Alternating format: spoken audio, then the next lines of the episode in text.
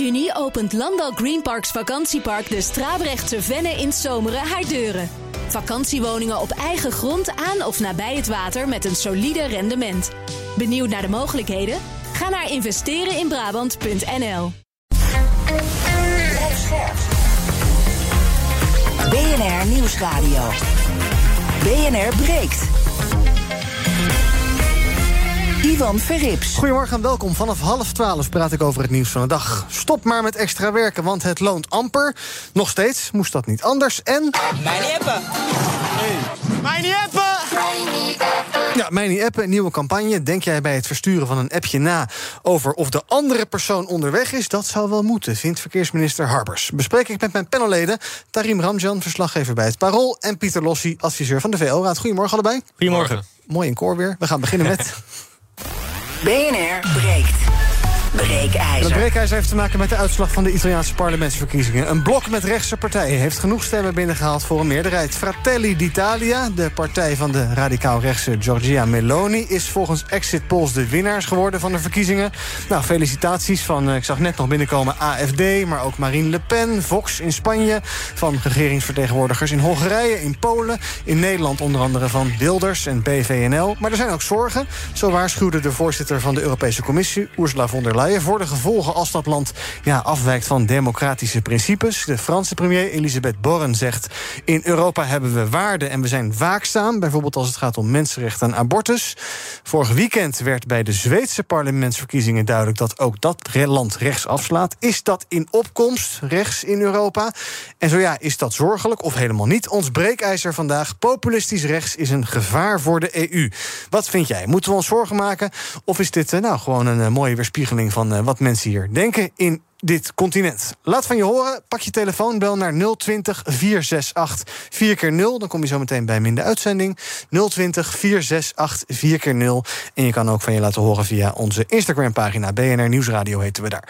Um, zometeen hoor je dus hoe mijn panelleden erover denken. Ook zijn bij me Europa-specialist Rob Boudewijn. En ik begin met Laurens Dassen. Hij is fractievoorzitter van Volt in de Tweede Kamer. Goedemorgen, meneer Dassen. Ons breekijzer. Populistisch rechts is een gevaar voor de EU. Wat vindt u? Nou, je ziet dat, Ik hoor u heel ver weg. Er staat een microfoon ergens niet open, denk ik. Nou, dan begin ik even bij Rob Boudewijn. Dan kunnen wij even de microfoon open gaan zetten. is misschien wel fijn. Rob, um, populistisch rechts is een gevaar voor de EU.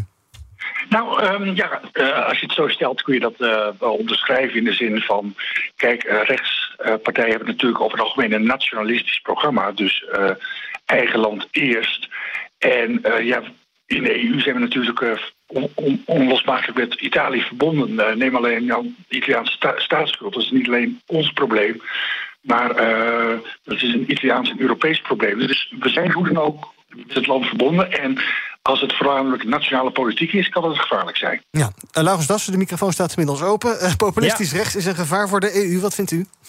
Nou, zeker. Um, op het moment dat je steeds meer landen hebt die een beleid gaan voeren van Italië eerst. Uh, en nu zien we ook nog in Italië met uh, Meloni toch een uh, neofascistische partij aan de macht komen. die bepaalde groepen ook nog wegzet, niet in lijn met de Europese waarden. Ja, dan wordt dat wel een grote uitdaging om als Europa steeds beter en efficiënter samen te gaan werken. En dat is wel nodig in deze tijd. Hm. Dus ik zie dit wel als een hele problematische ontwikkeling. Ook omdat we het met Orbán hebben in Hongarije. We zien het in Polen, we zien het in Zweden. En nu in Italië. Ja, dat zet wel druk op de Europese samenwerking. U doet een oproep aan Rutte, Hoekstra en Kaag om in samenwerking met EU-partners, instituten en lidstaten ja, aan Italië en Zweden te vertellen dat Europa niet een deel van het probleem is, maar van de oplossing. Bent u een beetje bang voor mevrouw Meloni? Nou, waar, uh, uh, waar mijn zorg zit, is dat we ook met de Europese Unie de afgelopen jaren uh, zaken veel te ver hebben laten komen. Dat zie je in Hongarije, hè, waar Poetin in 2012 al door de EU-commissievoorzitter Juncker een dictator werd genoemd. Um, en nu pas wordt er ingegrepen. Waar ik overigens wel heel blij mee ben dat de Europese Commissie nu tegen Hongarije zegt: Nou, het geld dat krijgen jullie niet meer. Ik denk dat dat ook een duidelijk signaal is richting Meloni. Uh, van let op dat als jij aan de rechtsstaat gaat morrelen, als jij aan de Europese waarden gaat morrelen, als jij afspraken niet nakomt, dan staan daar dus ook uh, sancties tegenover. Hm, dus staat u ook achter dat ja, een beetje het dreigement van mevrouw von der Leyen, die een paar dagen geleden zei, um, uh, die het eigenlijk een beetje vergeleken inderdaad met Hongarije en Polen. En ze zei: We have tools. Oftewel, we kunnen ingrijpen. Dat werd in Italië als een soort dreigement ontvangen. Nou, dus die tools die zijn er zeker. Maar er zit ook een andere kant aan. En dat is ook dat de Europese Unie moet gaan leveren. Want te lang heeft ook Italië te weinig, en de Italianen vooral, te weinig geprofiteerd van de welvaart binnen de Europese Unie. Hè. Dat zien we ook hier in Nederland. Dat te veel is gegaan naar de banken, naar de multinationals. Dat de belasting wordt ontweken. Um, maar ook uh, hebben we in de Europese Unie een aandeel gehad in het asielprobleem in Italië. Hè, waarvan ook in Nederland wordt gezegd: ja, maar dat is een probleem van de Italianen. Daar komen de vluchtelingen aan, zij moeten dat maar oplossen. Mm -hmm. Dus ook daarin moet er vanuit de Europese Unie ook voor de problemen die de Italianen ervaren een oplossing komen. Dus okay. het is wel twee kanten op. Ja, oké, okay, maar, maar, maar geeft dan eigenlijk Italië de schuld voor de problemen die we in Brussel hebben gehad? Nee, wat ik. Nee, juist, nou ja, u zegt, wij niet, moeten hè? ook gaan leveren, maar u wijst wel met de vinger naar Italië. Dan kunt u ook met de vinger naar uzelf wijzen.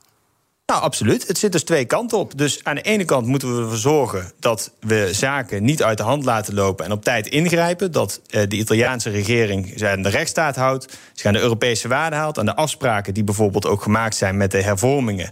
Uh, met betrekking tot het Europese herstelfonds, hè, waar de Italianen 200 miljard uit kunnen krijgen.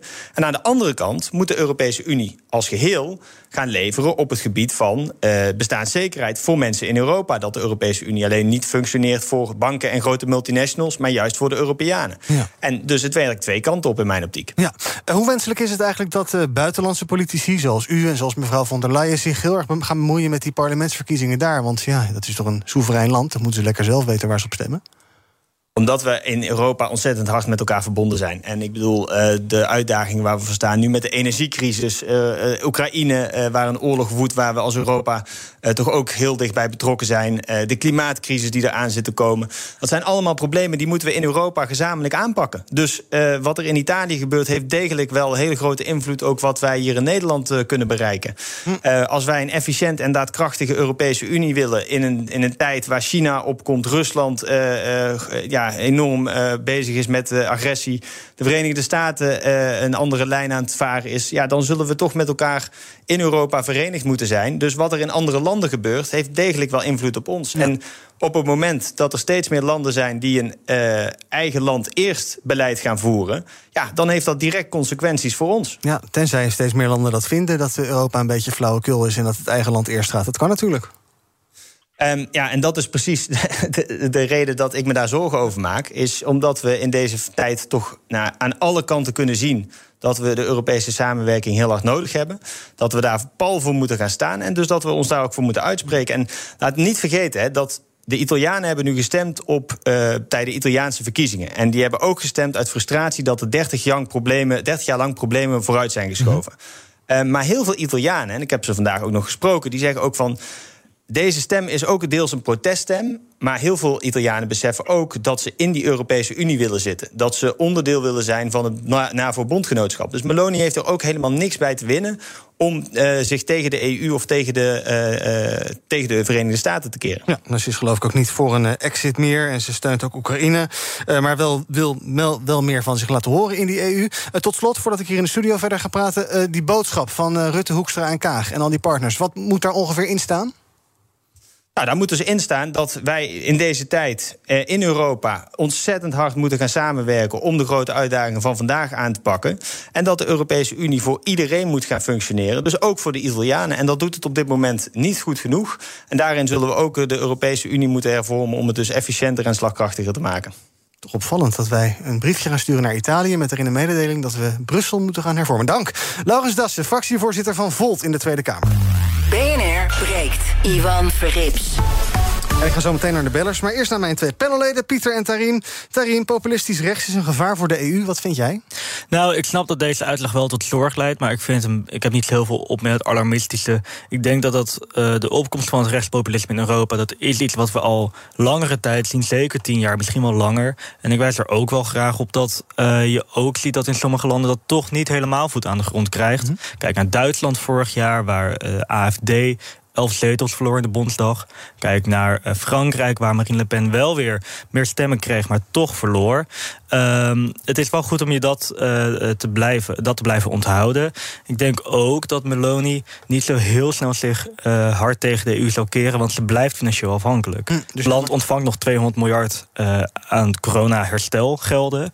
dat weet zij ook donders goed. Dus ja, ze zal van zich laten horen, maar zich echt hard tegen de EU keren zoals Orbán doet, dat vraag ik me af. Oké, okay, maak je geen acute zorgen, Pieter, jij wel? well Ja, ik maak me constant zorgen, oh. maar je kan dat wel uitspreken, maar daarmee verandert er niet zoveel. Dus volgens mij moeten we het vooral uh, zien als een taakopvatting eigenlijk hier in Nederland voor het land, voor het establishment, maar ook voor de links-progressieve oppositie.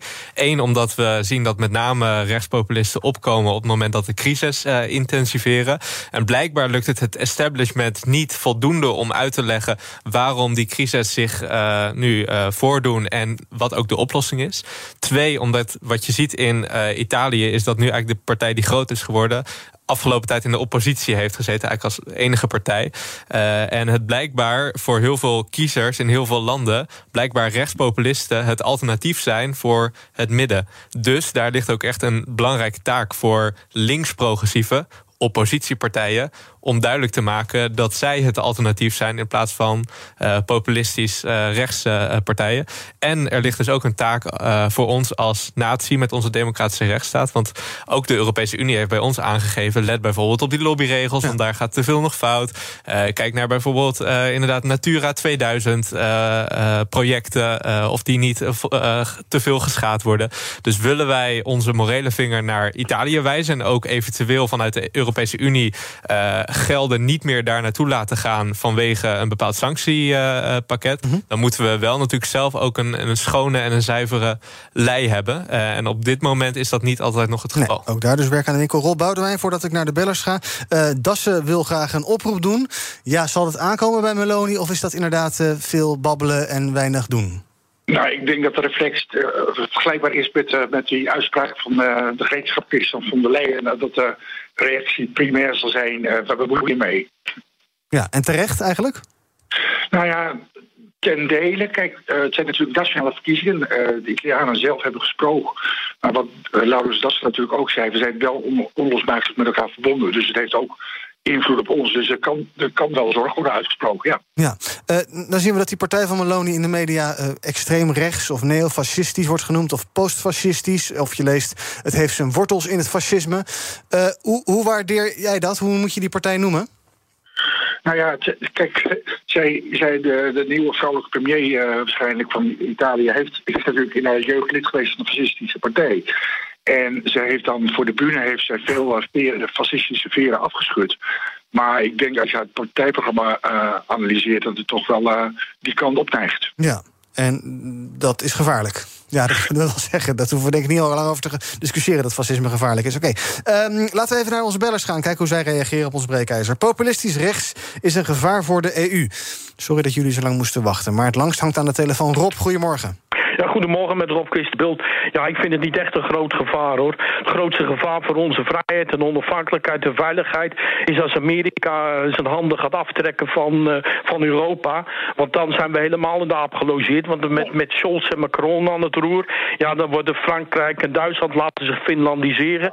En er zijn Oost-Europa, dat worden dan Russische koloniën. En dacht die populistische regering in Italië binnen een half jaar de onderlinge ruzie en gekissenbis valt het toch uit elkaar. Dus dat zie ik niet zo als een groot probleem. Nee, dus vind je Laurens Dassen dan een beetje een uh, ja, overdreven alarmistische nou, nee, maar we, we, weten toch hoe dat gaat in Italië. Ja. Dat we met Berlusconi en die mevrouw Meloni nou... en dan nog die andere, meneer Fini, geloof ik erbij... of weet hij van, van die andere partij. Mm -hmm. Nou, dat valt toch binnen ruzie uit elkaar. Maar wij zijn we echt van onze veiligheid... zijn we zeker nog acht tot tien jaar zijn wij afhankelijk van Amerika. Ja. Je moet er niet aan denken wat er gaat gebeuren... als Donald Trump aan de macht komt... die zegt America first en ze handen ervan aftrekken. Dat vind ik pas gevaarlijk. Rob, dankjewel. Frodo, goedemorgen. Ja, dat denk ik. Frodo?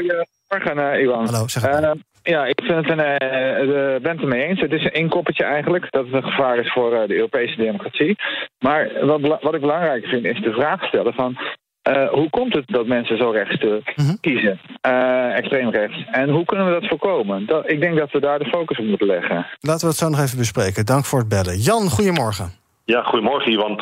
Nou, ik ben het niet eens uh, met de stelling. Mm -hmm. Ik uh, denk namelijk dat ja, Italië is toch een uh, soeverein land. Die hebben een verkiezingen gehouden. Daar komt een, een, een bepaalde uitslag, lijkt eruit te komen. Ik vind het al niet gepast dat prominenten in Europa als Van der Leyen... vanuit Frankrijk wordt er ook op gereageerd. Ja. namens Dalsen zal dat misschien... Vanuit Nederland nog gereageerd moeten gaan worden. Ik denk niet dat het aan ons allen is om Italië terecht te wijzen. Het is een uh, soeverein land en die hebben gewoon een stemming gehad. Het lijkt wel een beetje alsof er een trend uit ontstaan is... waarbij je in een democratisch Europa uh, wel mag kiezen, wel mag stemmen. Mm Alleen de uitslag die moet wel uh, passen binnen het sociaal-democratische... of het, of het ja, christendemocratische patroon... wat je in de afgelopen jaren eigenlijk al aan de linkerkant van de politiek ziet. Ja, en het mag niet te veel afwijken. Dat ga ik zo nog even bespreken. Dank. Twee bellers tot slot van dit blokje nog. Anne, goedemorgen. Goedemorgen, met Anne. Zeg het maar. Um, nou, wat betreft uh, of, of het een gevaar is voor Europa. Of, ja, ik denk wel dat het invloed gaat hebben. Mm -hmm. um, maar ik weet niet of het een, een gevaar is. Misschien is het zelfs nodig. Um, ik vind bijvoorbeeld van der Leyen anders dan de EU. Dat zij een soeverein land vertelt. Nou, als jullie niet stemmen volgens uh, ja, onze kijk op zaken, dan zijn er tools. Ja, dat gaat wel erg ver. En ik denk dat dat de sentiment is van mensen. wie, wie, weet je, wie controleert alles? Wie, wie bepaalt alles? Zijn we nog wel soeverein? Het gaat niet goed in Europa. De, de, het beleid is onlogisch. De kijk, van, kijk op zaken, immigratie, uh, klimaatdoelen. Het is allemaal zo over de top. Mensen verdrinken. En dan gaan ze de andere kant op kijken. Want rechts, en dan vind ik de term extreem rechts nogal overdreven. Het getuigt van weinig historisch besef, vind ik. Maar gewoon de term rechts. Ja, rechts is altijd wel zo geweest. Ja, zelf je, eerst jezelf helpen en dan pas kijken wat je, wat je van ander kan doen. En daar, dat doen we niet meer. Mensen uh, zien het niet meer zitten en ik begrijp de keuze wel. Anne, ik... dank voor het bellen. En tot slot, Wim, goedemorgen. Wim? Wim zit een raket. Ja, Wim, zeg het maar. Ja, eigenlijk uh, wil ik me aansluiten aan de, bij de vorige bellen. Uh, je moet eigenlijk naar de oorzaak uh, zoeken waar, waarom mensen rechts gaan stemmen. Mm -hmm. En dat heeft puur met het beleid te maken van de meeste Europese landen die zich te veel focussen op, op, op, op Europa en het klimaat. Waardoor ze hun eigen burgers in de steek laten en die geen vertrouwen meer hebben in de politiek. Waardoor ze een andere weg gaan zoeken en op rechts gaan stemmen. Om, omdat die met beleid komen dat wel naar hun eigen volk gaat, uh, gaat luisteren. Ja, en dus, het, dus het is allemaal actie, actiestemmen zijn het. Mensen die willen, uh, willen verandering zien. Ja, die willen verandering zien. En het, het zal me niet verbazen dat er nog meer uh, Europese landen een, een, een rechtse regering gaan krijgen. dat is eigenlijk een wake-up call van ja. jongens, kijk wat er in het land gebeurt in je eigen land. Want het, het, gaat niet goed zoals het nu gaat. En dat is echt een, een proteststem. En ik denk dat uh, meer, meerdere Europese landen rechts gaan stemmen. Duidelijk, dank voor het bellen, Wim. Tarim, uh, denk je dat inderdaad ook dat, het, dat dit stemmen zijn van mensen die ontevreden zijn, die zeggen, ja, de huidige uh, nou ja, mensen die het voor het zeggen hebben, die kunnen geen oplossingen bieden. En dus, nou ja, kijken we eens de andere kant op, wat daar te beleven is.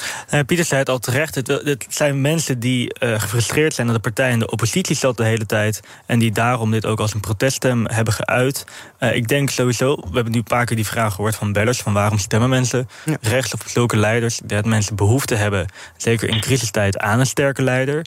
Dat mensen uh, daar ook behoefte aan hebben in een tijd... waarin er misschien heel veel gebeurt... en ze dat niet helemaal ja, kunnen bevatten of een beetje daar angst door hebben. Ik kwam natuurlijk net uit die pandemie die uh, doodeng uh, was... Mm -hmm. en uh, met alle financiële gevolgen van dien ook. en, en als je kijkt naar het grotere plaatje... we leven überhaupt in een wereld die globaliseert, die groter wordt. Um, en je ziet ook zeker bij de partij van Meloni, dat uh, die appelleert op het gevoel van... ja, maar wij kijken naar ons land, naar onze gemeenschap. Uh, in haar speech zegt ze ook, ik ben christen en dat neemt mm -hmm. niemand mij af. Waaruit je dus ook een soort van... Uh, angst afleidt van, goh, maar ik wil mijn identiteit behouden. Blijkbaar zijn er krachten dat zij geen christen meer mag zijn. Ja, dat dat ervaart zij kennelijk ja. zo, ja. ja. ja. Rob, waarin gaan we nou in Europa echt uh, merken dat deze, in dit geval deze twee landen rechtsaf zijn geslagen? Nou, misschien komen er nog wel meer, of misschien komt het weer een keer een linkse golf. Uh, gaan, we, gaan wij hier in Nederland iets merken van het feit dat in Europa twee landen rechtsaf zijn geslagen? Nou ja, ik denk dat het uh, in algemene zin uh, moeilijk wordt om, om tot overeenstemming uh, te komen. kijk, Italië is een grote handelspartner van, van Rusland. En dit zou best wel eens van invloed kunnen zijn ten, betrekking tot onze opstelling voor de Oekraïne, onze steun voor de Oekraïne. Kijk, als, als Italië gaat dwarsliggen bij, bij het verlengen van de sancties, et cetera, dan hebben we toch een probleem. Ja, dat hebben we een probleem inderdaad. Ja.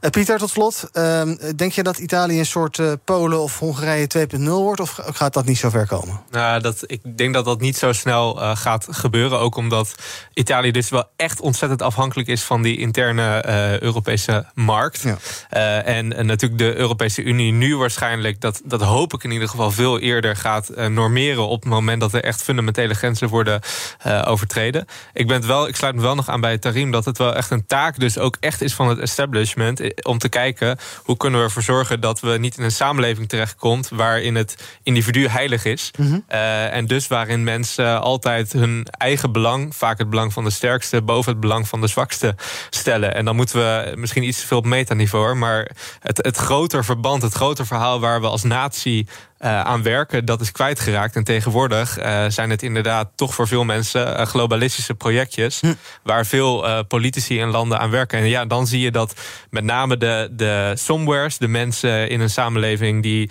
lokaal wonen, die afhankelijk zijn van een lokale community, van de lokale economie, vaak afhaken richting dit soort populistisch rechtse partijen. Dank uh, voor nu. Uh, en vooral dank aan Europa-specialist Rob Boudewijn. Onze breekijzer vandaag op Instagram, waar je nog de hele dag op kunt reageren, is: populistisch rechts is een gevaar voor de EU. Op Instagram is nu zo'n 41% het eens en zo'n 60% het dus oneens. Je kan daar nog de hele dag van je laten horen. Wij sluiten dit onderwerp voor nu af en gaan zo meteen na de nieuwsupdate verder praten over al het andere nieuws van de dag. Een nieuwe campagne tegen app achter het stuur. Want naast dat je geen appjes mag lezen, mag je ze nu ook niet meer sturen naar mensen die onderweg zijn. Maar ja, hoe weet je nou wanneer iemand onderweg is? Kun je er dan een boete voor krijgen. En we praten over vlaggen. Nou, dan weet je misschien wel genoeg. Zometeen in het tweede deel van BNR Break. Tot zo. Uw eigen vakantiewoning op een park vol faciliteiten, zoals een binnenzwembad, twee recreatieplassen, sport, spel en horecavoorzieningen. Straaprechtse Venne heeft het allemaal, omgeven door heide en bossen. Lees meer op Brabantisprachtig.nl. Ook Diana Matroos vind je in de BNR-app. Ja, inderdaad. Je kunt live naar mij luisteren tijdens de Big Five. Ook handig in de BNR-app. Breaking nieuwsmeldingen, maar ook het allerlaatste zakelijke nieuws. En je vindt in de app alle BNR-podcasts, waaronder Wetenschap Vandaag. Download nu de gratis BNR-app en blijf scherp. Blijf scherp. BNR Nieuwsradio. BNR breekt. Ivan Verrips. Welkom terug in mijn panel vandaag. Pieter Lossi, adviseur van de VO-raad... en Tarim Ramjan, verslaggever bij Het Parool. We gaan praten over het nieuws van de dag. Te beginnen met het verhaal uit de Telegraaf vanochtend... waarboven staat extra werken loont amper. Werken wordt voor mensen met een middeninkomen met het jaar minder lonend. In het ergste geval kunnen mensen met een extra salaris van 1000 euro per maand... maar 130 euro netto overhouden, blijkt uit de Telegraaf dus. Belastingen nemen toe vanaf inkomens van 35.000 euro. En het idee was juist dat we, ja, zeker vanwege die arbeidstekorten... dat uh, werken allemaal wat meer gaat lonen. Dat idee leeft al langer. Dat uh, ja, bezit wat minder loont en werken wat meer. Maar dat lijkt dus uh, helemaal niet te lukken, Tarim. Lekker dan. Ja, nou ja, kijk, de, het idee van het kabinet was dat meer werken meer zou lonen. Want we hebben nu echt overal een personeelstekort. En Nederland, Nederlanders werken nog steeds veel deeltijd. Um, en wat je ziet in hun plannen is dat het inderdaad wel ietsje zal lonen om überhaupt te werken, maar niet per se om meer te werken. Want de voordelen die je krijgt, die krijg je niet door meer te werken, je krijgt door überhaupt te werken. Zoals uh, de verlaagde inkomstenbelasting, zoals de gestegen arbeidskorting. Uh, dus inderdaad, het is niet het geval dat het loont om nu meer te gaan werken. Nee, Terwijl, precies, als je heel erg weinig verdient en je gaat dan werken, dan loont het wel. Ja. Maar als je een, ik zeg maar even, een gewone baan hebt en je wil van uh, 32 naar 36 uur, je kan het beter niet doen. Ja, inderdaad. Je hebt er niks aan. Maar gingen we dat niet anders doen? Ging, was het niet juist het idee om dat, om dat aan te gaan passen? Nou, het idee is nu dat er ook nog een fulltime bonus komt. Uh, en daar, uh, uh, nou, daar is ook voorgestemd in, tijdens de beschouwingen. maar het is nog onbekend hoe hoog die bonus gaat worden en in welke sectoren precies. Maar goed, dan, dan krijg je inderdaad wel dat je een prikkel hebt om meer te gaan werken. Om ja, die stap naar 36 of 40 uur te maken. Ja. Dat is denk ik wel een stap in de goede richting. Ja, ik ben benieuwd wanneer ik die krijg, die voltijdsbonus. Ehm, Pieter, goed idee, zo'n voltijdsbonus. Dat je mensen probeert te pushen om meer te werken. Nou, zo'n voltijdsbonus, dat weet ik dan toevallig net niet. Omdat ik me. Nou, kijk, heel veel mensen hebben bepaalde redenen, bepaalde motieven om niet in vol tijd te werken. Dat kan gaan over eigen welzijn, maar dat kan gaan ook bijvoorbeeld gaan over mantelzorg voor mensen die je dierbaar zijn. Dat zijn natuurlijk allemaal dingen die we ook waardevol vinden als samenleving. Dus op zich dat je daar een soort red race en dat je daar dan allemaal financiële middelen naartoe stopt. Ik weet niet of dat uh, precies het juiste middel is voor het doel dat je wil uh, behartigen. Mm -hmm. Wat ik me afvraag is dat er steeds inderdaad wordt gesteld, ook in het coalitieakkoord en dan op Prinsjesdag, ja, werken gaat meer lonen. En dan kijk je naar de plannen en dan zie je dat, het, dat de belasting op arbeid echt een paar procentpunten minder wordt. Ja. Waarom gaan we in dit stadium met zoveel tekorten en ook best wel veel mensen die nou, uh, thuis zitten. Uh, soms met allerlei goede redenen hoor, mm. daar niet van. Uh, maar bijvoorbeeld gewoon de belasting op arbeid halveren en de belasting op consumptie verdubbelen. Ja als we van consumptie uh, met z'n allen merken dat we tegen bepaalde grenzen aanlopen, uh, dat er schaarste is, dat we dus beter moeten gaan verdelen, dat we bewuster om moeten gaan met consumptie, terwijl we eigenlijk van arbeid niet voldoende hebben. Ja, nou zei Rutte geloof ik tijdens de algemene politieke beschouwingen iets als ja, uh, veranderingen in het belastingstelsel, dat moet je in stapjes doen. Ja. Je kan niet zeggen vanaf 1 januari volgend jaar gaan we het totaal anders doen. Dat wordt een chaos. Nou ja, oké, okay, ik, ik vind het op zich prima om het dan in stapjes te doen. Ja. Ik kan me voorstellen dat de Belastingdienst daar, de, de fiscus daar ook blij mee is om de systemen daar langzaam op aan te passen. Maar dan snap ik niet dat de eerste belangrijke stap een paar procentpunten is. Ja, zo, precies. In de eerste schaal, daar is het 0,11 procent ja, geloof ik. Extreem, is dat een beetje flauwekul? Nou ja, dat is meer voor de beeldvorming. En uh, jongens, we hebben gewerkt aan merken meer, uh, meer lonend maken. Uh -huh. Dan dat het echt uh, iets, iets, iets significants uitmaakt voor mensen die werken. Hm. Waar moet geld dan wel vandaan komen als we geld willen ophalen voor allerlei mooie dure plannen? Ja, dat is natuurlijk de vraag. Kijk, ik snap Ondernemers wel... schreeuwen ook moord en brand. Ja, ja, Ik, snap, ik snap wel dat uh, je het belastingstelsel ook niet zomaar kan omgooien. Ook mede daarom, want natuurlijk die, die inkomsten... daar moet de regering uiteindelijk ook weer alle steun van bekostigen. Mm -hmm. um, ja, ik, dat is natuurlijk de vraag. Ik denk wel dat deze maatregel vooral inderdaad is genomen om te zeggen van... kijk, we hebben iets gedaan, uh, maar dat het nog geen sloten aan de dijk zet. Overigens, over die voltijdbonus, dat is wel een goed punt van Pieter... daarover heeft het Mensenrechtencollege vorig jaar nog gezegd van... ja, kijk uit, want dit kan indirect uh, vrouwen benadelen. Want over het algemeen vrouwen deeltijd werken... Uh, en dan dus geen aanspraak zouden kunnen maken op die fulltimebonus. Dus ja. het is toch best wel de vraag of dat trouwens ook nog helemaal door kan gaan. Ja, ik voel al een voltijdbonus met allerlei uitzonderingen aankomen. Dus inderdaad voor uh, mantelzorg, voor zorg voor kinderen. En het wordt natuurlijk weer een onuitvoerbaar gedrocht. Ja, precies. Ja, oké. Okay. Um, en nu dus, hoe moet dit verder toch wel uh, verder de komende jaren... met het meer verhogen van belasting op bezit... en rendement uit uh, beleggingen en dat soort zaken... en uh, minder belasting op arbeid? Ja, dat, en dat is gewoon een politieke keuze. En, en wat je ook creëert met minder belasting op arbeid... is dat het voor ondernemers en ons als natie goedkoper wordt... dus om als mensen arbeid te leveren. Het levert ook meer op. En dat betekent dus ook dat we bijvoorbeeld minder afhankelijk zijn... van arbeidskrachten in uh, lage loonlanden. Uh, waardoor we niet meer uh, al onze afhankelijkheid... naar allerlei landen hoeven te sturen... waarvan we eigenlijk denken, dit is dubieus... of dit zou je eigenlijk niet moeten willen. Kijk nu naar de situatie in Rusland. Maar waarin je als, als land ook zelf gewoon veel autonomer kan worden... en zelf je maakindustrie en je voedselindustrie... en je dienstenindustrie volwaardig kan neerzetten. Ja. Geldt die voltijdbonus alleen voor mensen die dan voltijd gaan werken... of ook mensen die al voltijd werken? Dat weet ik niet. Oh, ik hoop dat laatste. um, dan gaan we naar Tweede Kamerlid Pepijn van Houwelingen... van Forum voor Democratie. Die plaatste een foto op Twitter van minister Ernst Kuipers... die een vlag hijst. Op de originele foto's uh, eist hij de vlag met de logootjes van de Sustainable Development Goals. Maar die was bij de tweet van Pepijn van Houwelingen in eerste instantie vervangen door een nazi-vlag, dus een uh, hakenkruis. En op een bewerkte foto later staat minister Kuipers een uh, vlag te hijsen, een communistische vlag. Um, ja, ik zat een beetje af te vragen, wat moet je hier nou mee? Dat vragen bijvoorbeeld ook uh, Kamerleden zich af. Jan, Pat Jan die heeft een klacht ingediend... bij het College van Onderzoek en Integriteit van de Tweede Kamer. En Papijn van Houwelingen die ziet in die Sustainable Development Goals... dus eigenlijk een soort van, uh, ja, de Great Reset in uitvoering. Dat zijn toch de tyrannieke doelstellingen die een overheid heeft. Maar als ik die SDG zo lees, en ik weet, Pieter, dat jij daar al achter staat, bijvoorbeeld. Um, ja, dan, ja, dan is dat toch niet heel erg dat je denkt van, goh, heel tyrannieke bedoelingen. Bijvoorbeeld dat je geen armoede meer wil en geen honger.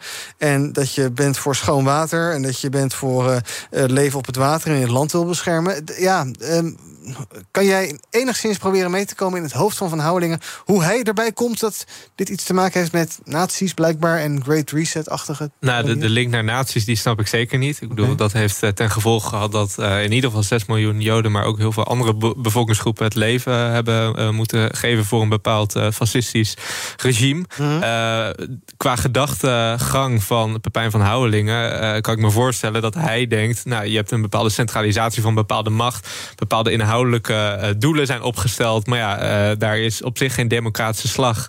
vanuit de mensen hier in Nederland overheen gegaan. En zie hier het nieuwe fascistische regime... terwijl het volgens mij veel logischer en eerlijker zou zijn... om gewoon te kijken naar de inhoud... en ook de uitvoering van deze Sustainable Development Goals... En ook de beleidsvoorstellen vanuit regering... inhoudelijk te toetsen op... zitten hier fascistische elementen in of, ja. of het kwaad... of sluit het inderdaad aan bij die harmonieuzere... duurzamere democratische wereld waar we naar streven. En volgens mij als je gaat kijken naar die development goals... als je het hebt over schoon water... en als je het hebt over goed onderwijs...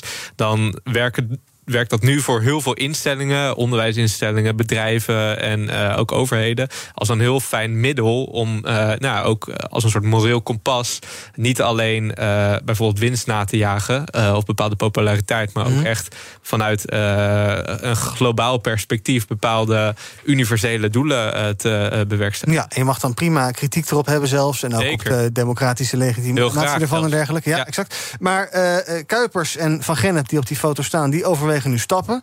Die noemen het eh, ook uh, stuitend. Een nieuw dieptepunt in de bejegening van bestuurders en politici. Um, ja, wat moet je hier tegen doen, Tarim? Wat kan je hier tegen doen? Nou, ten eerste is het een totaal gebrek aan respect voor collega's, maar ook een beetje dom. Want de, de ministers en het kabinet die regeren bij gratie van het parlement, dat hen de vertrouwen geeft om dat te doen.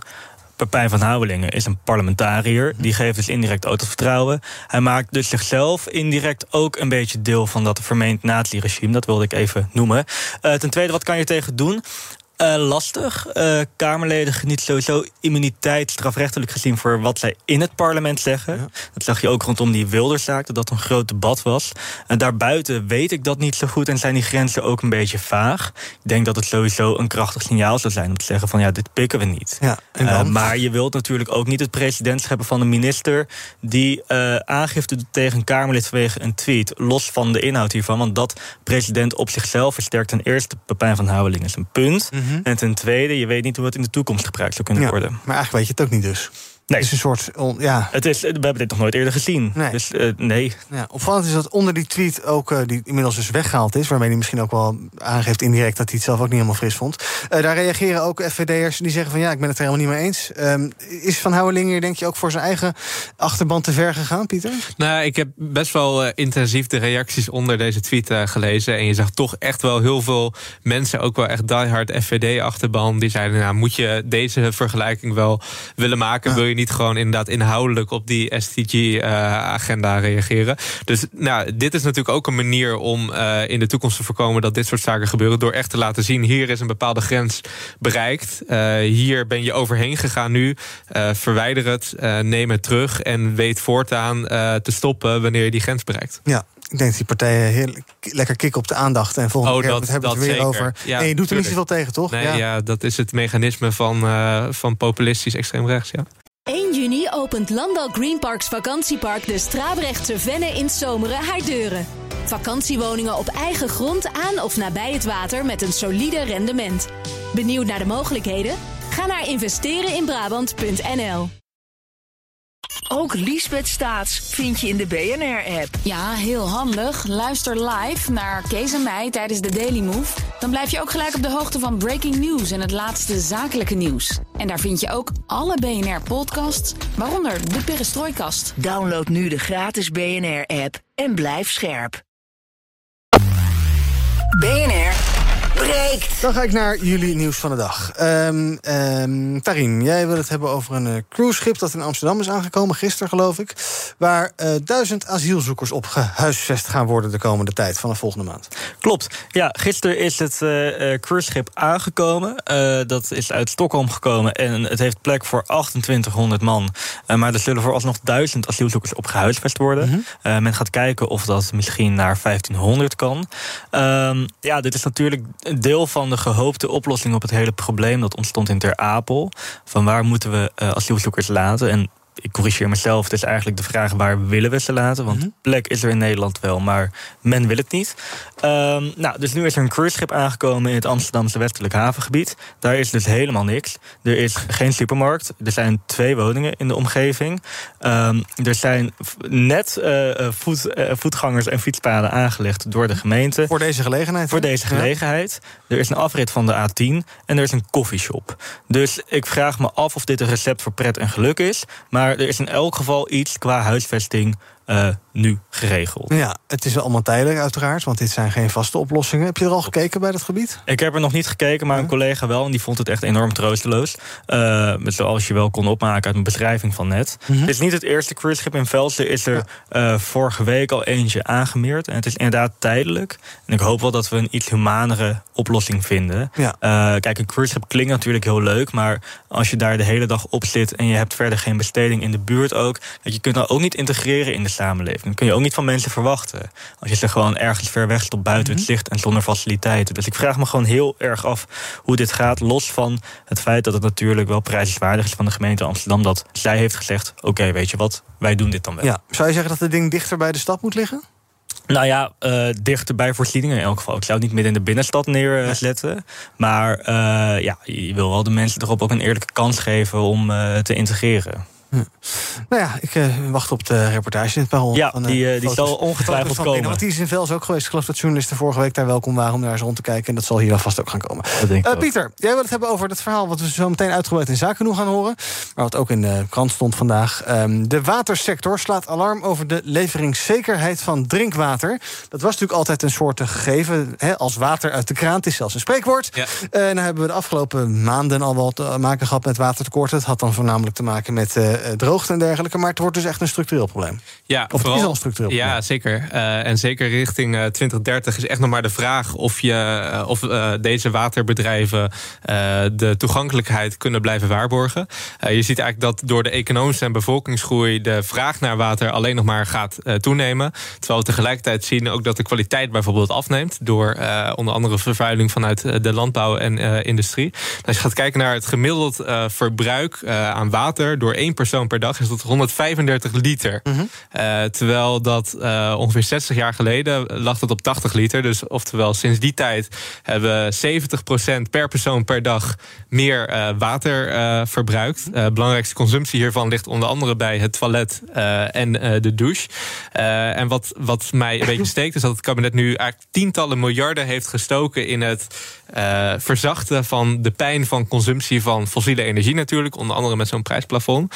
Terwijl ze er ook voor had kunnen kiezen om bijvoorbeeld vouchers uit te gaan delen om energie en water onafhankelijker uh, te worden. En dan kan je bijvoorbeeld denken aan vouchers die je had kunnen uitgeven aan watertonnen, aan duurzame douchekoppen, aan waterzuinige wasmachines en vaatwassers, et cetera, et cetera.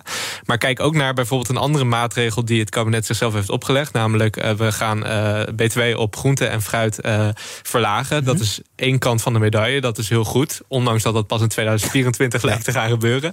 Maar de andere kant van de medaille is dat uh, als je nu kijkt naar bijvoorbeeld een portie rundvlees, uh, dat 650 liter aan zoet water kost. Mm -hmm. uh, en zoet water is schaars. Dus je zou ook kunnen nadenken over hoe je daar de consumptie van bijvoorbeeld vlees via bijvoorbeeld een btw-verhoging naar 21 procent in ieder geval kan afremmen. Ja. Mijn punt hierbij is uh, ter conclusie dat we hopelijk niet, uh, net zoals we dat eigenlijk ook bij energie en bij de klimaatopwarming hebben gedaan, eigenlijk veel te lang wachten met uh, onszelf onafhankelijk maken van de schade die we op dit moment aanrichten. Ondanks dat al die waarschuwingsberichten net zoals bij die andere twee vraagstukken, al jarenlang uh, nu steeds uh, de kop op spelen. zonder ja. dat we daar echt daadkrachtig op inspelen. Ja, het probleem is natuurlijk ook dat we het niet helemaal zien. Uh, want als ik de kraan thuis openzet, dan stroomt het water daar gewoon. En als je hem een uur open laat staan, dan blijft hij ook gewoon stromen. Ja, en dat is natuurlijk ook dus met energie. Energie was er ook. ook nog eens geen kont. Nee, daarom. En nee. dat was dus ook met energie. En dat is dus ook met CO2-uitstoot. Dus ja, het kabinet heeft een taak om dat tastbaar te maken. Om zichtbaar te maken waarom investeringen nodig zijn. En laten we dus alsjeblieft, alsjeblieft als land autonomer worden in alle basisvoorzieningen die we in elk huishouden nodig hebben. Bonuspunten als jij weet welke SDG schoon water is? Is dat vier? Nee, zes. Ah, oké. Okay. Geen bonuspunten voor jou. het zijn er ook 17, geloof ik.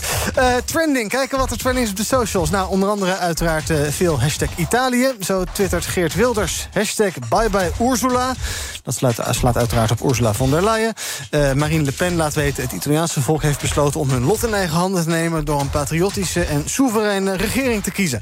Ook trending, hashtag inflatie. Koopkracht van de Nederlander is flink gedaald. We maken ons daar zorgen om. Zo tweet ene app. Economen rekenen op een nieuw inflatierecord. Om dat te weten hoef je geen econoom te zijn. En ook neem een krantenwijk. Alle sectoren kampen met personeelstekorten. Ga werken, dan word je vanzelf minder arm. Tweet iemand anders nog. Tot slot, hashtag netbel. Dat heeft uiteraard te maken met voetbal. Gisteravond speelde Nederland tegen België. Altijd beladen wedstrijd tegen de Zuidenburen werd gewonnen door Nederland. Uiteraard bondscoach Louis van Gaal had na de slopende wedstrijd... toch nog wel even zin in een flesje cola. Maar had daar zelf nogal moeite mee. Wie gaat dit openen voor mij? ja, vroeger deden we dat met twee flesjes.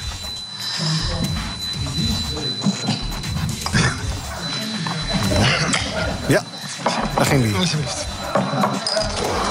Ja, applaus voor Bas, hè? kom maar door, Martijn. Dat is toch wel de beste reclame voor Coca-Cola ooit, dit soort dingen. En dit is dan toch een fijne quote die we altijd kunnen bewaren. Wie gaat dit openen voor mij? Ja, dat vraag ik me ook wel eens af bij de deur hier bijvoorbeeld. Tot slot, hier moeten we het even hebben in deze uitzending... over een nieuwe campagne tegen app achter het sturen of op de fiets. Die richt zich niet alleen maar van... De nog steeds lachen om die quote. Die richt zich niet meer alleen op de bestuurder... maar ook op mensen die de berichten sturen. Minister Harbers, die gaat over infrastructuur... die denkt dat de campagne veel verkeersslachtoffers kan schelen. Uit onderzoek van Motivation blijkt dat 1 op de 3 Nederlanders... geen rekening houdt met het versturen van appjes of iemand dan onderweg is. Bij jongeren is dat zelfs 50 procent. Vier jaar geleden werd er al geprobeerd om appen achter het stuur te, uh, terug te dringen met de Mono-campagne. Ik rij Mono. En nu is er dus een nieuwe. Mijn appen. Mijn appen. Laat anderen voor vertrek weten dat je onderweg bent. Zo raak je niet afgeleid. Rij Mono en kom veilig thuis. Ja, mij niet appen dus als ik onderweg ben. Dat is de nieuwe campagne. Daarin, als je dat zo hoort, denk je dan... ja, dat is nou een goed idee, want ik weet precies van iedereen... wanneer die onderweg is. En dus weet ik ook, kan ik een heel schema opstellen... stroomschema van wie ik wanneer wel en niet kan appen. Of is dit een heel raar idee? Nou, ik vind het eerlijk gezegd een beetje vreemd. Ik denk dat ze op het ministerie van Verkeer heel blij waren met het idee. Omdat je natuurlijk wel een nieuwe impuls hebt aan die campagne... die natuurlijk al heel lang loopt en waarvan de boodschap al heel lang hetzelfde is. Ik denk wel dat je de verantwoordelijkheid gewoon moet laten... bij de persoon die aan het verkeer deelneemt. Um, want je weet inderdaad niet van tevoren of degene met wie je appt inderdaad aan het rijden is. Ja. Maar het heeft er ook mee te maken dat het fijne aan een appje is dat je het gewoon kan sturen als verzender. Ja. En de ontvanger die kan dan zelf wel besluiten wanneer je dat leest of daarop reageert. En bovendien heb je ook nog eens het geval dat dan de ontvanger, of tenminste de verkeersdeelnemer, Mhm. juist zelf wil appen van hey, ik ben tien minuten later, eh hey, er is dit gebeurd of weet ik veel Mhm. wat. Dus dan ligt het toch weer bij de verkeersdeelnemer. Dus het, het, het is hem, ik, ik snap hem gewoon niet helemaal. Ja, even de hele grond onder deze hele campagne vandaag gehaald in één minuut. Dankjewel. Eh Pieter, ehm, heb jij wel eens mensen die aan het rijden zijn? Huh, een hele rare vraag. Ja, ongetwijfeld. Oh, mag niet. Nee, ja, misschien was dit ook wel gewoon de strategie vanuit eh, de mensen op het ministerie. Dat ze dachten, we, we gaan gewoon iets maken wat vrij ridicuul is. Waardoor we het hier vandaag erover hebben. En straks Ja. op Twitter er allemaal ophef eh, over ontstaat. waardoor je wel weer een nieuwe impuls eh, op de, voor de campagne hebt. Het idee dat je iedereen zou laten weten als je even weg bent. Nou, dan moet je allemaal massaberichten de hele tijd gaan sturen naar iedereen. Volgens mij is dat geen goed idee. Ik dacht wel waar je, waar je nog aan zou kunnen werken. Voor die mensen die dat graag willen. Dat je gewoon in WhatsApp bijvoorbeeld ook een fun- functie inbouwt. Dat je even op een autootje klikt. Een icoontje van een autootje bijvoorbeeld. En dat daarmee eh, jouw statusbalk voor anderen wordt onderweg. Ja. Zodat andere mensen daar rekening mee kunnen houden. Dat zou kunnen. Eh, maar ja, ik, ik volg de inslag niet helemaal. Nee, wel fijn dat Tarim het even heeft uitgelegd hoe appen werkt... en ook hoe dat dan werkt met ontvangen en niet storen modus en dergelijke. Dat we dat soort dingen al lang hebben. Eh, heb je wel eens op de fiets? Ik ben heel benieuwd. Nou, heel sporadisch. Ja, af en toe wel. Maar dan echt alleen in, eh, als ik in landelijk gebied fiets. Oh ja. Tarim? Geen commentaar. Weet genoeg. Dank voor jullie aanwezigheid vandaag bij BNR Breekt. Tarim Ranjan, verslaggever bij het Parool... en Pieter Lossi, adviseur van de VO-raad. Morgen ben ik er weer met BNR Breekt. Tot die tijd volg je ons via de socials. Zoek maar even naar BNR op eh, YouTube, Twitter, LinkedIn, eh, Instagram, TikTok. We zitten overal. En zometeen gewoon lekker de radio aan laten staan... want over een paar minuten is hier Thomas van Zel met Zaken doen. Uw eigen vakantiewoning op een park vol faciliteiten, zoals een binnenzwembad, twee recreatieplassen, sport, spel en horecavoorzieningen. Straaprechtse Venne heeft het allemaal, omgeven door heide en bossen. Lees meer op Brabantisprachtig.nl.